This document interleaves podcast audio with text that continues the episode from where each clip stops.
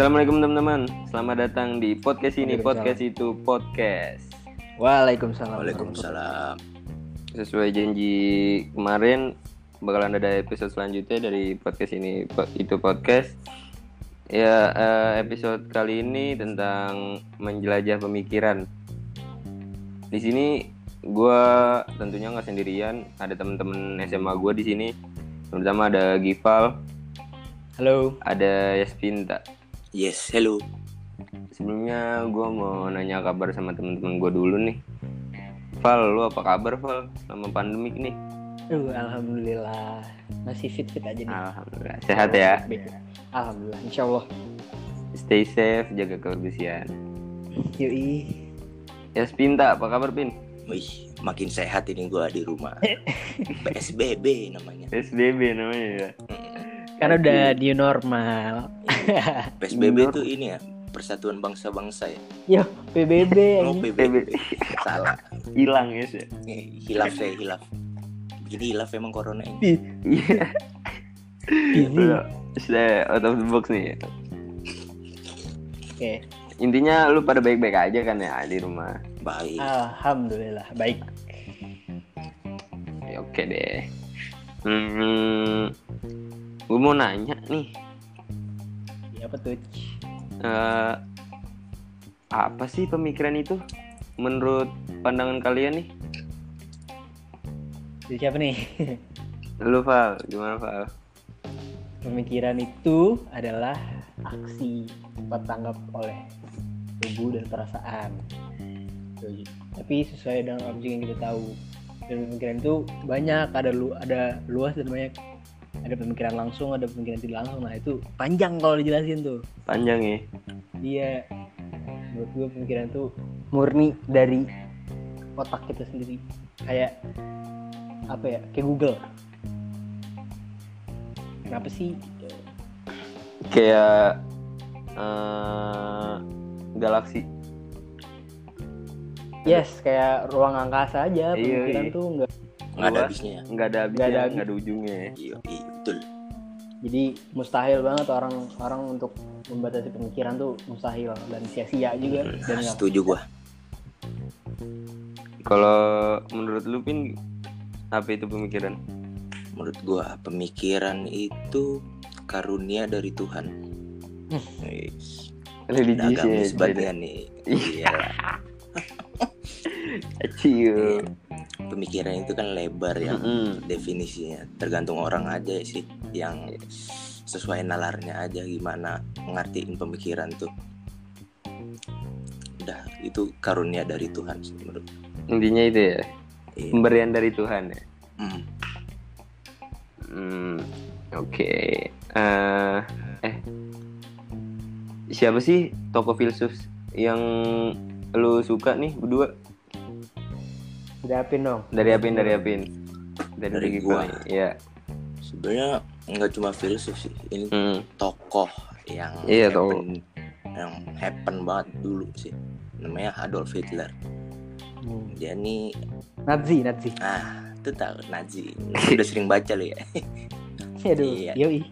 dia diktator Nazi sih abad 20 1900 hmm, viralnya 1942 kalau salah 40-an lah dia Waktu dia pecah kan tuh menang. iya tapi ya akhirnya dia juga bunuh diri sih walaupun gitu gue tetap suka sama dia karena ambisi Bunuh diri apa? Berapa ada nih?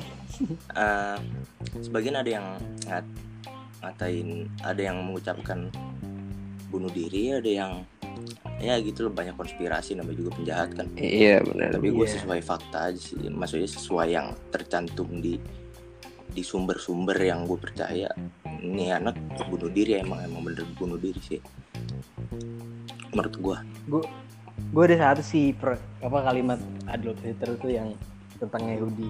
Dia bilang kayak Yahudi gue sisain sedikit supaya ntar generasi selanjutnya tahu apa akibatnya dari Yahudi Yahudi ini. Jadi Adolf Hitler punya punya punya apa ya punya tujuan sendiri gitu loh. Hmm, nggak Iya. asal bantai gitu. Untuk orang-orang yang awam kan ya itu cuma bunuh-bunuhin orang. Iya sih. Emang gue eh, yang gue suka dari Hitler itu emang ambisinya. Dia tuh ambisius banget. Dari ke dari kecil ya Hmm. gue setahu gue dan pantang menyerah pe dia tuh kayak eh, dia tuh udah berkali-kali di- ditahan di mm, penjara di Jerman di masa pas dia ingin menggulingkan kerajaan Jerman. Dia ingin menggulingkan lalu ketangkap berkali-kali tapi dia tetap nulis buku tetap eh, berjuang untuk membangkitkan partainya sendiri. Itu kalau di oh gitu. Iya. kalau di Indonesia udah dibunuh tuh. Iya. Udah nggak tahu. Untung dulu masih aman ya udah Iya, nggak ada kabar. Udah nggak ada kabar Iya, udah hilang bos. Udah hilang bos. Iya sih itu dong yang gue suka. Walaupun ya kalau kata orang-orang dia rasis Gue tetap suka ambisinya dengan menguasai seluruh dunia tuh ambisius banget. Karena di setiap kehidupan kan masih ada positif dan negatif. Iya Betul. benar.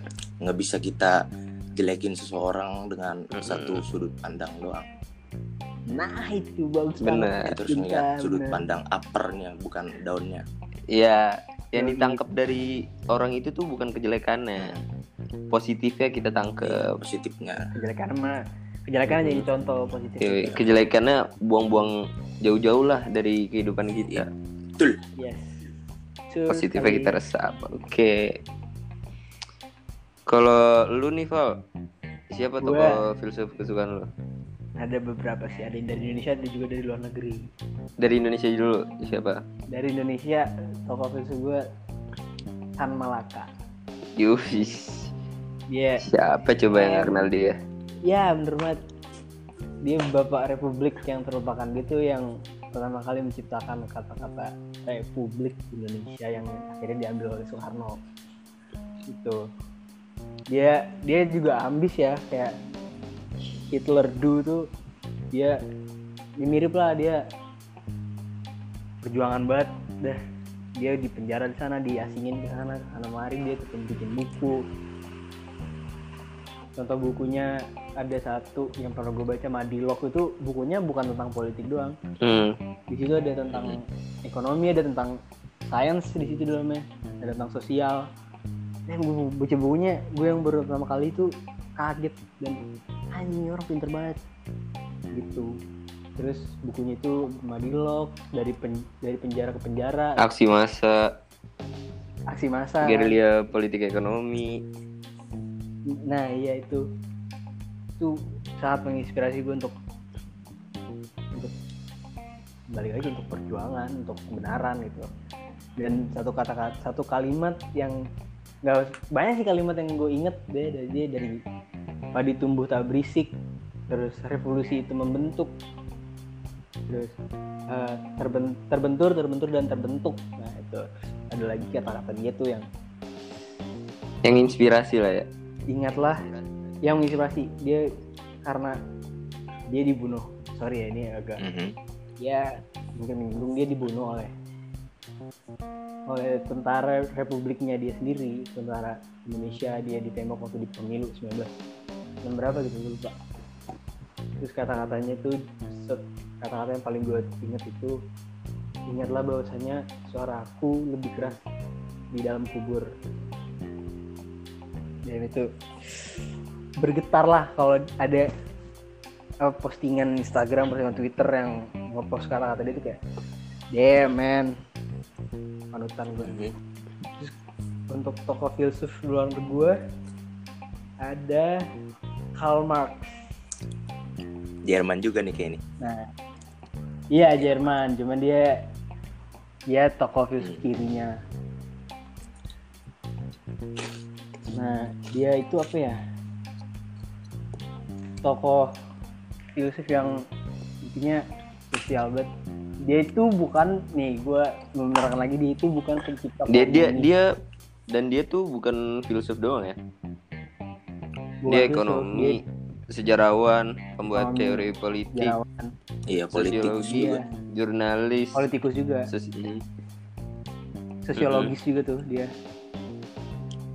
Dia bukan tokoh pencipta komunis sekali lagi ini gue membenarkan dia bukan tokoh pencipta komunis nah Karl Marx itu tokoh pencipta sosialis iya gue punya gue ada bukunya itu? kagak salah. gue tahu ya? kok gue ada pokoknya isi mm, kalau ini menyimak gini ya eh temen-temen kalau misalkan eh dua hari ke depan atau tiga hari ke depan nggak ada kabar dari Gival. Ya lu tau sendiri lah Gival mana ya. Ditelan bumi. Soalnya gue punya buku. Ditelan rezim. Waduh. Frontal oh dong. Iya frontal. Kata- bahaya bahaya. Nah, bukunya itu tuh eh Karl- pemikiran Karl Marx judulnya Sosialisme dan Sosialisme Utopis. Kalau belum tahu, kalau misalnya baru dengar utopis, utopis itu adalah eh, ideologi sosialisme ya tapi yang jadulnya gitu loh. Nih, utopis. Utopis itu pikiran sosialisme utopia. Nama lainnya utopia.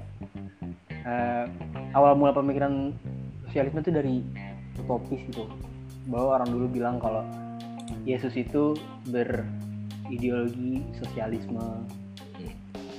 Terus ada juga nih tokoh tokoh sih ini tokoh bukan filsuf cuman tokoh yang hepan lah di Indonesia yang membuat apa ya penguasa pahlawan-pahlawan Indonesia dia.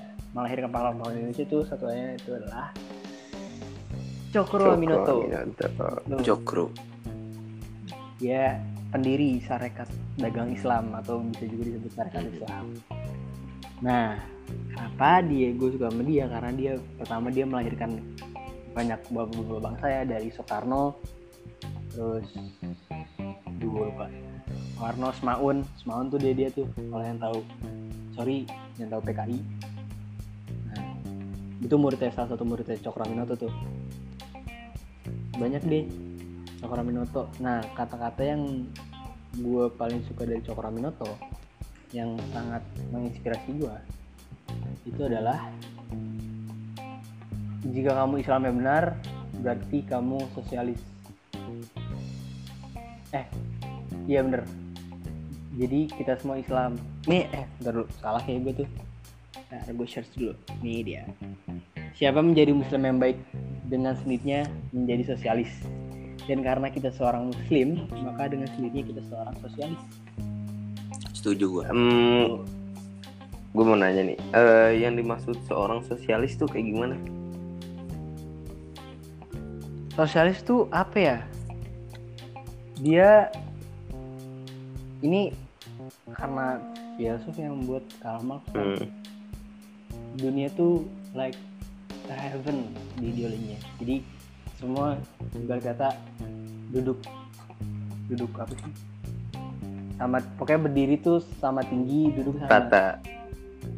ya Oh, itu iya. gue lupa lagi Intinya Oh. tuh kayak Nah. kita tuh manusia derajatnya sama lah ya. iya Nah, iya dan di ekonomi itu kan sosialisme ideologi sosial Mm-mm. sosial ya. Dia itu apa ya? Lebih nggak boleh jadi nggak ada sistem yang kaya jadi kaya yang miskin makin miskin. membagi Nggak ada. rata gitu Iya, Membagi rata, semua. Mm.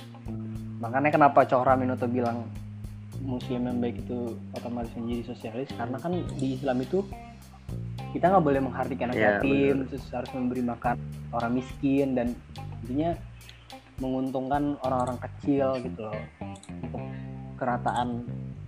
Jadi semuanya Bisa Apa? memberi manfaat kepada orang yang membutuhkan.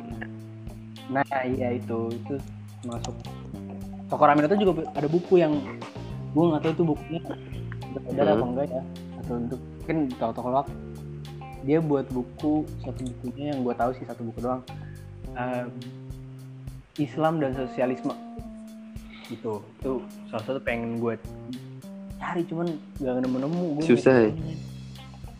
Susah susah soalnya itu kan buku jadul Hmm. itu cuy oke oke Ada kalau gue pengen nanya balik lu apa tuh? kalau lu apa tokoh yang lu suka tokoh filsuf kayak tokoh hepan di Indonesia Eh, gue jatuhnya bukan tokoh filsuf sih. Gue lebih pemikiran gue ke lebih ke agama ya. Hmm, tokoh yang Hmm. paling gue suka tuh Syekh Abdul Qadir. Udah pernah Oh. denger belum? Bu, oh yang yang bukunya itu bukan sih? Iya, yang bukunya Fatul Gaib, eh, Fatul Robani masih ada lagi udah banyak. Jadi eh Syekh Abdul Qadir tuh eh, ulama fikih gitu yang dihormati oleh Sunni dan dianggap wali dalam dunia tarekat dan sufisme gitu. Dia juga Hmm. eh, orang Kurdi atau orang Persia. Oh, Oke. Timur ya? Eh, orang Irak sih dia. Jadi gue Oh. Dekat-dekat Qatar kah Irak itu kan ya? Dekat Qatar kan? Hmm, Irak itu lebih dekat ke Iran sih. Tapi masih ya dekat-dekat sama Arab. dekat Saudi lah ya. Hmm, kenapa gue suka sama tokoh ini? Dia tuh humble banget cuy. Jadi dia punya ilmu agama yang tinggi, tapi dia tuh nggak mau memperlihatkan ilmunya dia gitu. Walaupun udah ditantang sama banyak orang, sama orang-orang Yahudi juga termasuk pernah nantang dia,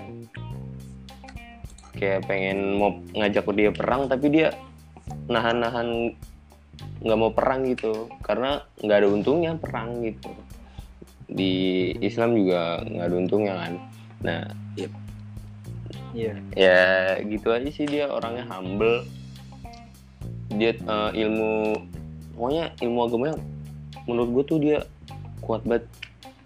Dia tuh eh, pernah gue denger ceritanya dia pernah ngidupin orang mati yang udah mati 500 tahun. Buset. Ya. Sama juga orang zaman dulu. Hmm, itu keajaiban Allah. Hmm. itu eh, ridho Allah juga. Kenapa dia bisa ngidupin itu? Ya pertama karena ridho Allah. Kedua eh, jadi tuh ada yang nantang dia. Bukan nantang dia doang sih nantang Islam kayak nggak ada yang percaya sama Islam gitu. Kayak eh, apa sih kehebatan orang Islam? Emang bener rezeki kita yang ngatur tuh Tuhan gitu. Kayak eh, apa sih kehebatan Tuhan kamu gitu? Kayak bener-bener ditantang gitu Islam akhirnya ditunjukin sama Syekh Abdul Qadir. Eh, dia ngomong kalau saya bisa eh, memperlihatkan anda keajaiban Islam atau keajaiban Tuhan saya hmm, kamu masuk Islam ya? Atau kamu percaya bahwa adanya Islam? Iya kata orang itu yang nantang Syekh Abdul Hmm. Qadir. Akhirnya terus bilang kan "Eh, saya bisa menghidupkan orang yang sudah mati 500 tahun. Sempat gak percaya tuh orang yang nantang Syekh Abdul Qadir akhirnya ke kuburan. Ke kuburan terus ya eh, Syekh Abdul Qadir baca doa lah. Baca baca doa. Teng akhirnya hidup tuh orang yang udah mati 500 tahun. Pasti enggak Zombie dong. dia bangun-bangun nyanyi cuy. Nyanyi cuy. Anjay nyanyi. karena eh, dulunya dia musisi dia musisi oh, dulunya musisi. pas dihidupin dari yang lahat nyanyi langsung main gitar Bela Bela Bela Ciao. Ciao, Bela Ciao ini. Bela Ciao. Manihis dong. ya Yui. Allah. ya Allah ya itu aja sih kayak ya nggak jauh-jauh dari yang Chris minta ngomongin pemikiran itu karunia dari Tuhan. Iya. Bener. dan pemikiran itu nggak ada batasnya Bener juga kata Gival. Iya kayak Emang gak ada batasnya. nggak ada batasnya kalau lu mikirin eh, pemikiran tuh sampai mana ya batasnya kayak lu semakin dalam semakin dalam gila lu bukan bukan bukan Iya, gila, kayak kita gila. makin Iya. gila, makin autis kayak Allah. Kayak kita Iya. mikir Allah tuh di mana ya? pokoknya Ya, gua nggak bisa. yang nggak mungkin otak kita tercapai dalam memikirkan itu tuh ya jangan dipikirin lah nggak bakal kuat iya apalagi yang apa tuh gue sempat tahu sempat juga kalau kita itu apa ya pikiran kita, ilmu kita tuh sebanding sama ilmu Allah. Wow, maksudnya gimana tuh? Gue pernah enggak maksudnya ilmu Ya, Allah tuh besar gitu loh. Ibarat kata ilmu kita ilmu kita kayak kita masukin jarum ke dalam air terus diangkat. Nah itu katanya gitu. Nggak ada apa-apanya dibanding Tuhan gitu.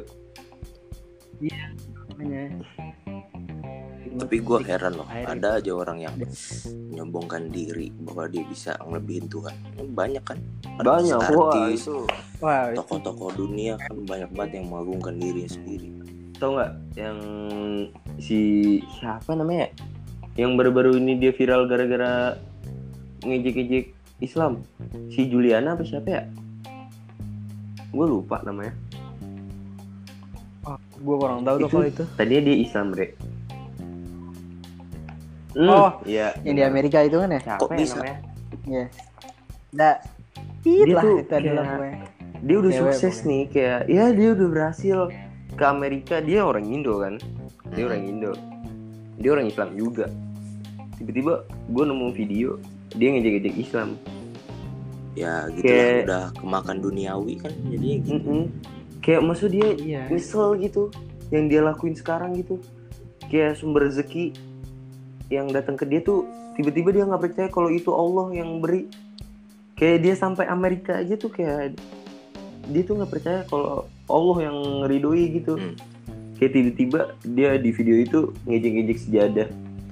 Buat apa gue tunduk ke karpet gitu kata dia. Gokil cuy. Iya dia intinya hidup Itu, gila dia. karena pemikiran ya. Karena pemikiran masuk luas juga itu kan. termasuk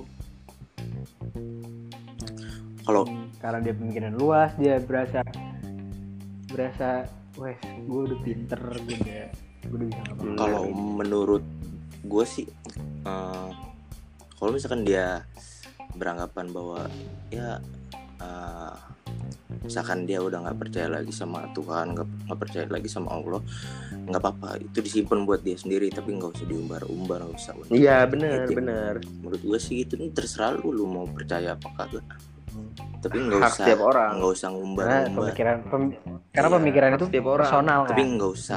Nggak usah dipublish juga gitu Iya, ya itu kan sama aja uh, mengubah pikiran kita juga kan. Itu kayak lebih ke provokasi aja untuk mengubah Iya, pemikiran bener kita dan itu salah. Hmm, menurut gue sih gitu aja. Injek-injek agama juga sih jatuhnya kalau Iya. kayak gitu. Apalagi pakai injek-injek itu kan udah iya. dari hukum dan norma pun udah kena gitu Udah kena, iya.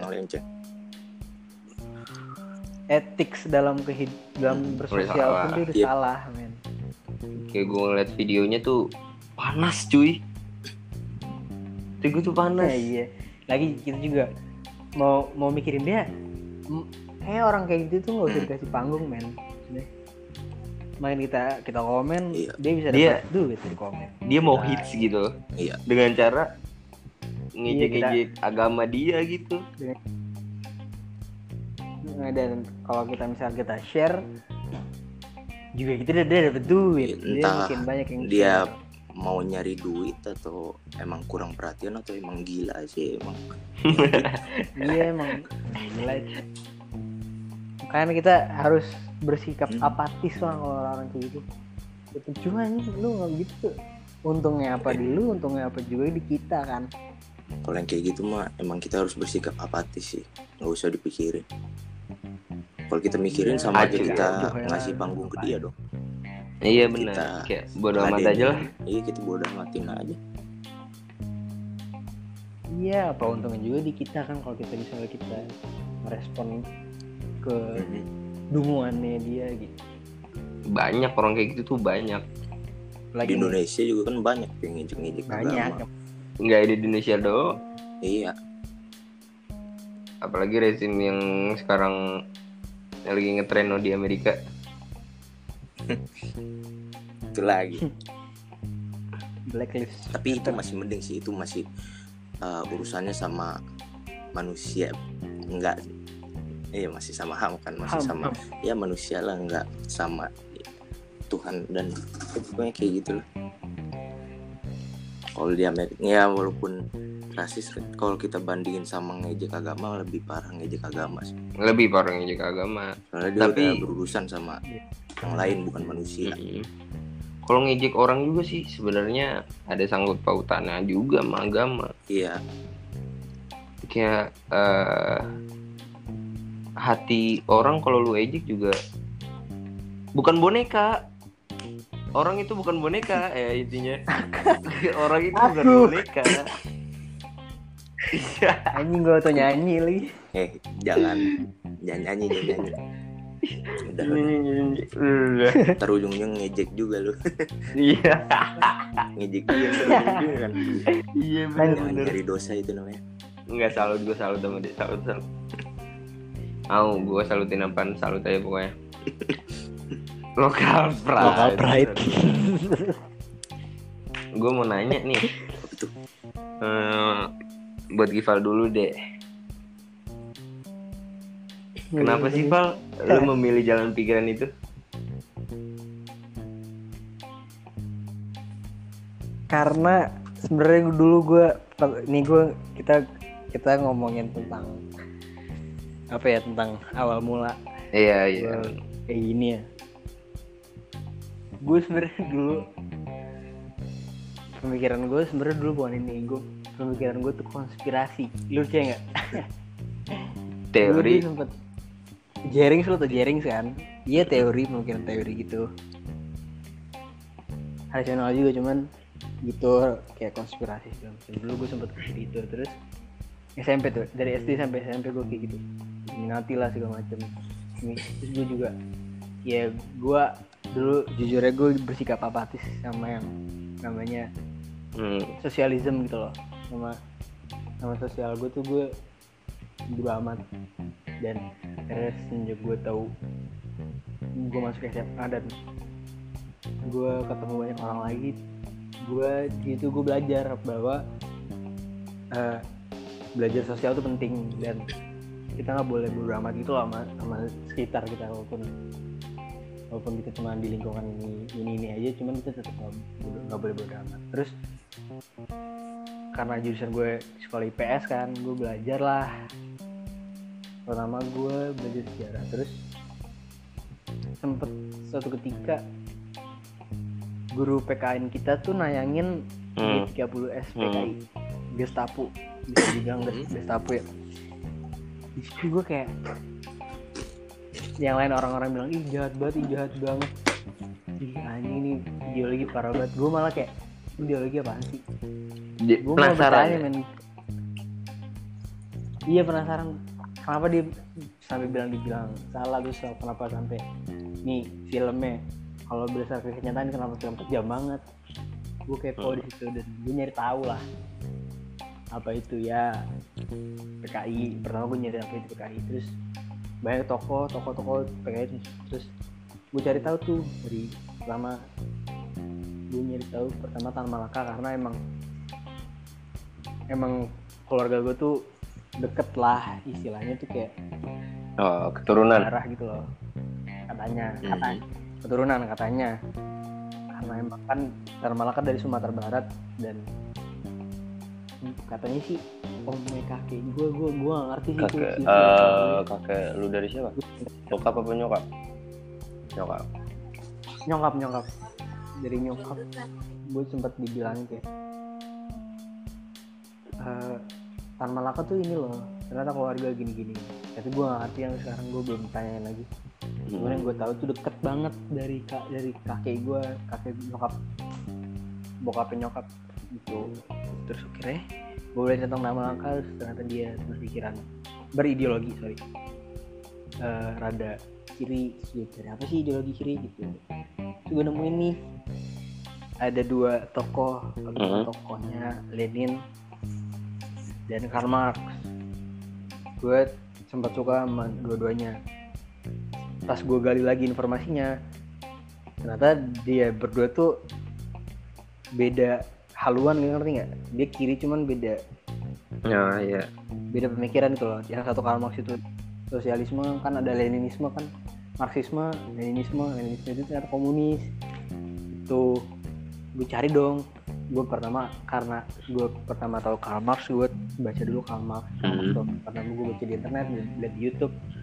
Akhirnya suatu ketika gue ke kampung Hmm. Inggris di Kediri ada buku loakan dan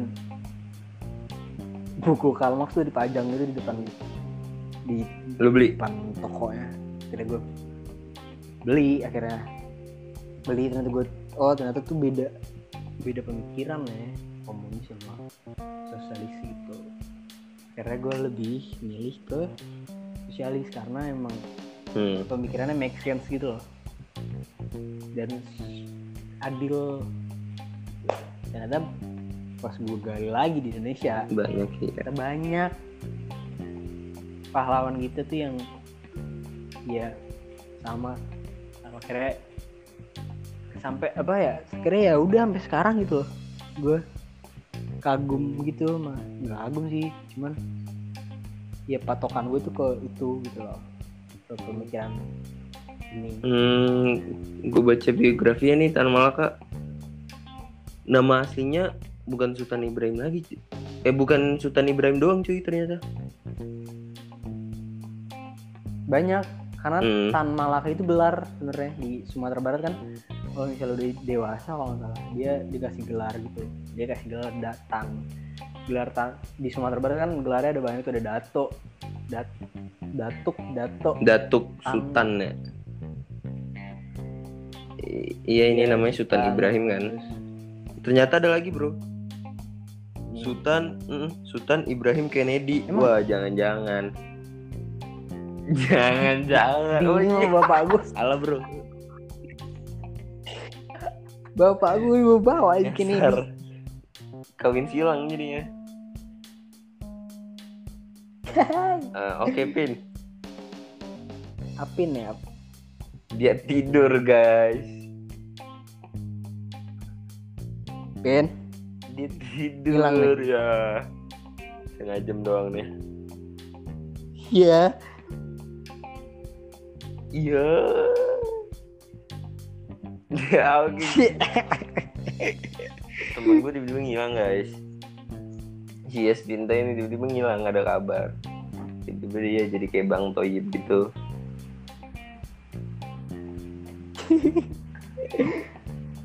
nah Mungkin kita sudahin aja lah ya episode kali ini tentang menjelajah pemikiran.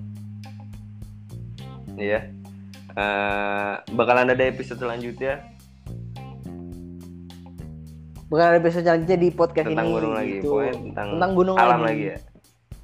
karena kemarin Loh, ada lagi. kok nyambung lagi nih anak ya, siul lagi. lah siul baru mau closing bos konser dulu tadi gimana bos et deh Iya, makanya tuh konser aja. eh, pas lu lagi ngejelasin tentang Tan Malaka nih, Pak. Tiba-tiba ada suara pintu masuk. Ada suara cewek. konser dulu nyokap nyokap nyokap, nyokap. lanjut nggak nih Lanjut aja, lanjut Iya. nih. Tanggung pertanyaan terakhir. Eh buat Apin ya, yoi. Kenapa sih Pin eh, lu milih jalan pemikiran itu? jalan pemikiran gue sebenarnya ada banyak sih tapi untuk ke politik gue netral. Contohnya ah dalam pemikiran itu gue bisa berubah-ubah kan se se apa namanya? Se sedatangnya waktu.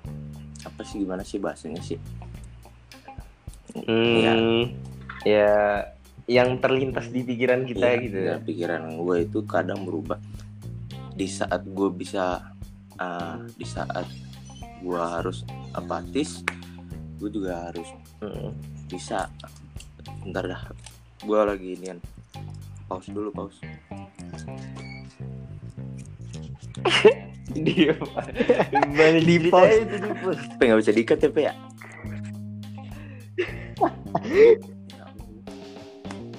ulang kali susah sih bisa sih ntar Gua- ya aduh belum cukup 40 menit Ya, Nggak apa-apa, lu selesaiin dulu aja. sampai situ. Yang tadi gua closing, ya udah cut sampai situ aja, Pe. Closing lagi. Nggak lu lagi, cut closing itu. lagi. ya susah nih itu kan kita mau ketawa gitu ya. siapin ini Eh, enggak. Masuk. Nah, Gua disuruh ini ini yang sih. tadi siul. terus gimana pe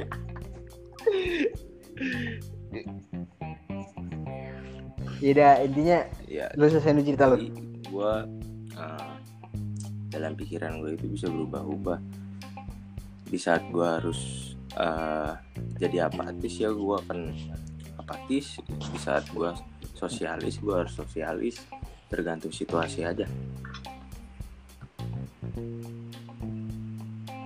Hmm, lu serem Oh. juga lu Maksud dari Apin tuh eh, hmm, pemikiran kita tuh Netral, nggak netral, hanya stuck di itu itu aja kan. Yoi. iya iya enggak dia dia bisa ke kanan bisa ke kiri kasarnya sih gitu Iya. Oke guys, Eh, mungkin itu aja nih sedikit penjelajahan pemikiran kita hari ini. Eh, pantengin terus. Apa Ah, tuh? sorry sorry sorry sorry, sorry. gue pengen menjelaskan lagi juga Eh gue nggak pure ante-ante itu ya maksudnya yang yang denger ini gue nggak pure ante-ante katanya cucunya inilah enggak gue bukan tapi gue gue juga sebenarnya bisa ke mana aja pemikirannya dan cuman gue kalau untuk urusan politik gue lebih pro rakyat Bagus nih, dijadiin DPR bagus nih. Gimana nih? Duh, nggak ada. Asal kalau kalau- lu jadi DPR, Gue- sa- eh, satu pesan aja dari gue sih. Kalau lagi sidang tentang Jangan tidur. Jangan tidur. Eh, ya udah itu aja. itu doang dah Tidur. Iya. Gimana sebenernya Trash banget itu loh maksudnya. Ya kita lihat aja lah pandangan politik Indonesia sekarang sekarang kan juga lagi rombak. lagi ngalur ngidul cuma pengen menjelaskan kayak podcast kita ya. iya lagi ya Allah. iya, Aduh, iya lagi kalau ada yang ngalur keluar ngidul. belum masuk lagi kan. Gitu sih gue cuma mau ngejelasin gue nggak gue bukan ante-ante yang membantai Di- itulah katanya gue bukan Dikutipin ante-ante. dulu Tuh, dong. gue Dikutipin dulu ante-ante gitu. ante-ante Ya. ante-ante tanda kutip Hmm. PKI gitu gue gue gue bukan bukan gue juga menyalahkan semua kejadian yang ada gue juga mengecam semua para pelaku gue pokoknya gue bukan deh gue tapi gue pro rakyat gitu loh dan gue pro hak asasi manusia di Indonesia so jadi untuk semua yang mendengar ini please jangan ambil sisi positifnya Benar. Jangan asal ngimpulin ya. Oh. Ya jangan asal Ya. menyimpul kalau misalnya belum jelas ya ulang kan bisa diulang kan Spotify kalau yang premium Ya udahlah. Ada yang mau disampaikan lagi? Tentang iya pikiran apa tuh? Oh, ada. Hmm, Ada. slow slow. Kita Gua- uh, sorry, ini gua aja, ngomong. sharing Gua motivation and inspiration. untuk yoi Eh, untuk semua yang mendengar ini Benar. ilmu tuh penting terus kedua apatis apat apatis itu sangat negatif dan Eh, coba sangat jelek mungkin apatis itu sangat jelek. yang denger ini podcast Mhm. ada yang belum tahu apa itu apatis. apatis itu kayak Bodoh amat apa gitu loh, ya. sama yang di sekitaran kita gitu ya. ya adalah apa sih jadi kayak ya lah yaudah sih apaan sih itulah Lebih ke gitu. kayak Itu, sifat gitu tuh kebodoh amatan lah ya. dan hmm bodo amat itu terus Hmm. iya apatis tuh kayak bodo amat lah gue boleh nyampein sesuatu kan bisa kok dicari di internet dulu. Lu masih ada yang lu sampein nggak apa? Jadi ini eh, ceritanya khusus Ada. episode panen percakapan enjoy. Jadi akhirannya itu ada harus ada kata motivation gitu. Iya intinya ilmu itu penting. Sifat apatis itu sifat bodoh amat itu tuh sangat jelek. Dan penting belajar sosial. PS. mau lu IPA lu mau lu mau mau lu IPA lu IPS sosial itu penting kan karena kita masih SMA belum ketemu orang luar yang kita biarlah berdebatnya baru berdebat Gini, Apalagi gitu, ntar belum lagi berdebat nanti gitu, di macam. perguruan tinggi kuliah. kuliah Mhm. iya kul- kuliah terus kerja Lebih banyak debat mungkin gitu ya Iya, dalam keseharian kita. gitu iya debatnya bisa berantem Sesuai dari kitanya Debat sendiri kita sebenarnya. gitu Iya. Iya, dan intinya belajar sosial itu penting. Intinya nih ya, Widin, ilmu itu penting. Terus, terus sifat bodoh amat itu jelek dan belajar sosial itu penting. Lu Pin, gue Silakan. gue pin se-fruit motivation. fruit motivation Oke. dan tawa nih oh iya, eh, serius, serius. menurut gua pola pikir itu bukan cuma sekedar ideologi. Di kehidupan sehari-hari juga kita menggunakan pola pikir. Contohnya dengan sosialisme yang pernah Yes. Gival sebut tadi. Sosialisme itu bukan cuma sekedar ideologi itu pola pikir bahwa kita harus ah, mementingkan sosial dengan kawan-kawan kita dengan manusia di sekitar kita dengan lingkungan kita dengan ya kita harus care lah dengan lingkungan kita terus Ya contohnya benar. ah, ada lagi ah, Balik lagi Ya. dong ke yang Gival Mhm. omongin tadi. Nggak boleh apatis. ya boleh Jauh-jauh Iya, buang sifat bodoh amatnya gitu Iya. lah ya. Ah. Lanjut. terus ada lagi uh, individualis individualis itu kita mementingkan diri sendiri itu lebih kayak lebih condong ke apatis sih sebenarnya tapi ada loh di orang ini yang individualis yang mementingkan diri sendiri yang Hmm. care dengan diri sendirinya tidak care dengan yang lainnya dengan lingkungannya Lingkungan lebih sekitar. bersifat egois Iya benar. Tapi iya banyaknya juga individualis tuh kayak self love itu kunci di mana kita bisa love apa sayang pada diri sendiri itu adalah kunci untuk kita sayang kepada orang lain. Itu pos- dan positif ya, pola negatif pikir itu sebenarnya banyak manfaatnya. Ini karena pola pikir kita bisa ngobrol kita bisa beropini tentang karena pola pikir kan banyak. Tentu kita punya berbeda-beda pola pikir kan. Nah dari situ kita Iya, bisa cari asalkan positif dan negatif. Ya, balik lagi iya, negatif sama percakapan yang sudah kita omongin. negatif tuh contohnya yang berujung perdebatan yang nggak ada akhirnya kan tapi kalau Hmm, benar. tergantung Yang nggak ada untungnya. tergantung Mm-mm. kitanya aja tergantung pendengar Iya, dan tergantung kitanya. kita yang ngomong aja apakah kita Mm-mm. bisa mengendalikan situasi apakah kita bisa menjadi pendengar yang baik atau pemberi opini yang baik ya Iya benar. banyak Hmm.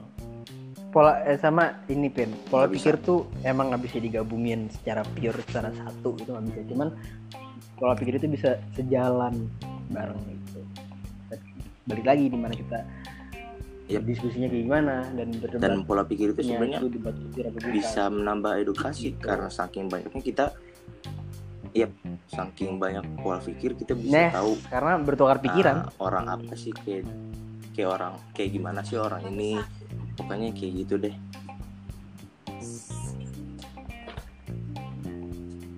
Iya dan ya kita bisa lebih benar. mengenal orang lain lah dari kita berdiskusi Jadi, ini Eh, kesimpulan fruit motivation lu apa pin? fruit motivation Yang bisa di sharing, yang bisa memberi inspirasi ke pendengar podcast ini. Apa kesimpulannya? kalau lu pengen jadi uh, pendengar yang baik, pemberi opini yang baik, lu nggak boleh mengubah uh, pikiran orang dengan cara memaksa atau ya contohnya kayak tadi yang kata lu tuh apa tuh yang sampai menghina-hina agama dan sebagainya kayak gitu pola Hmm. pikir tuh harus lu simpen dengan baik-baik dan jangan lu Iya. coba mengubah pola pikir orang lain dengan uh, pola pikir kita Ya, belum tentu pola pikir kita tuh baik. Iya. dan itu kan juga menimbulkan uh, perdebatan gitu maksud gua. Kalau misalkan ada seseorang yang berbeda pola pikir dengan kita kita kan kalau dengan cara memaksa kita kan juga gimana ya bisa jadi berdebat dan sebagainya melanggar melanggar hak. Jadinya Melanggar hak, kayak melanggar uh, melanggar hak tadi juga. sampai marah-marah nyebut-nyebut agama dan sebagainya. Ya gitulah contohnya orang yang nggak jadi uh, pemberi opini yang bagus intinya jadi pemberi opini dan pendengar yang bagus sih. Pendengar yang iya. Balik lagi. Berbeda balik lagi bineka tunggal ika. Berbeda-beda tetap satu jua ukur agama lu pikiran emang Betul, semua itu nggak bisa benar. disatuin cuma bisa berjalan satu jalur. Ya mungkin segitu aja podcast kita kali ini tentang menjelajah pemikiran. Yoi. kita sudahi jelajah pemikiran kita hari ini Eh, thank you nih buat Gival buat Yoi, Yaspinta sorry ada kendala tadi. Konser dulu gua. Apa? Jadi jadi ada Hai. jokes gitu di podcast Ya, kita. iya nggak usah serius yang penting kan Iya, ada serius usah ada cuy. lucu. Jadi seimbang gitu. Ya Yo man, Oke, buat temen-temen pantengin terus nih podcast ini podcast itu karena eh, ada episode selanjutnya mengenai alam ya, gunung. Yoi. Yoi. stay safe juga Yoi. lu pada ya gunung. Yo, Alam, ya gunung. itu. Karena kemarin, yoi kemarin nih untuk para pendengar kemarin itu kan pencinta Iya. alam. Sekarang itu tentang pendaki. Hari ini hostnya kan Fajri, Besok. Yoi. gue hostnya gue. Karena Ya, ntar bakal ada tamu lagi diperbincangkan lagi aja ya. di podcast ini. Bye-bye. cuy. Oke. Yuk. Assalamualaikum. Waalaikumsalam Thank you, thank Bye. you. Waalaikumsalam. Thank you.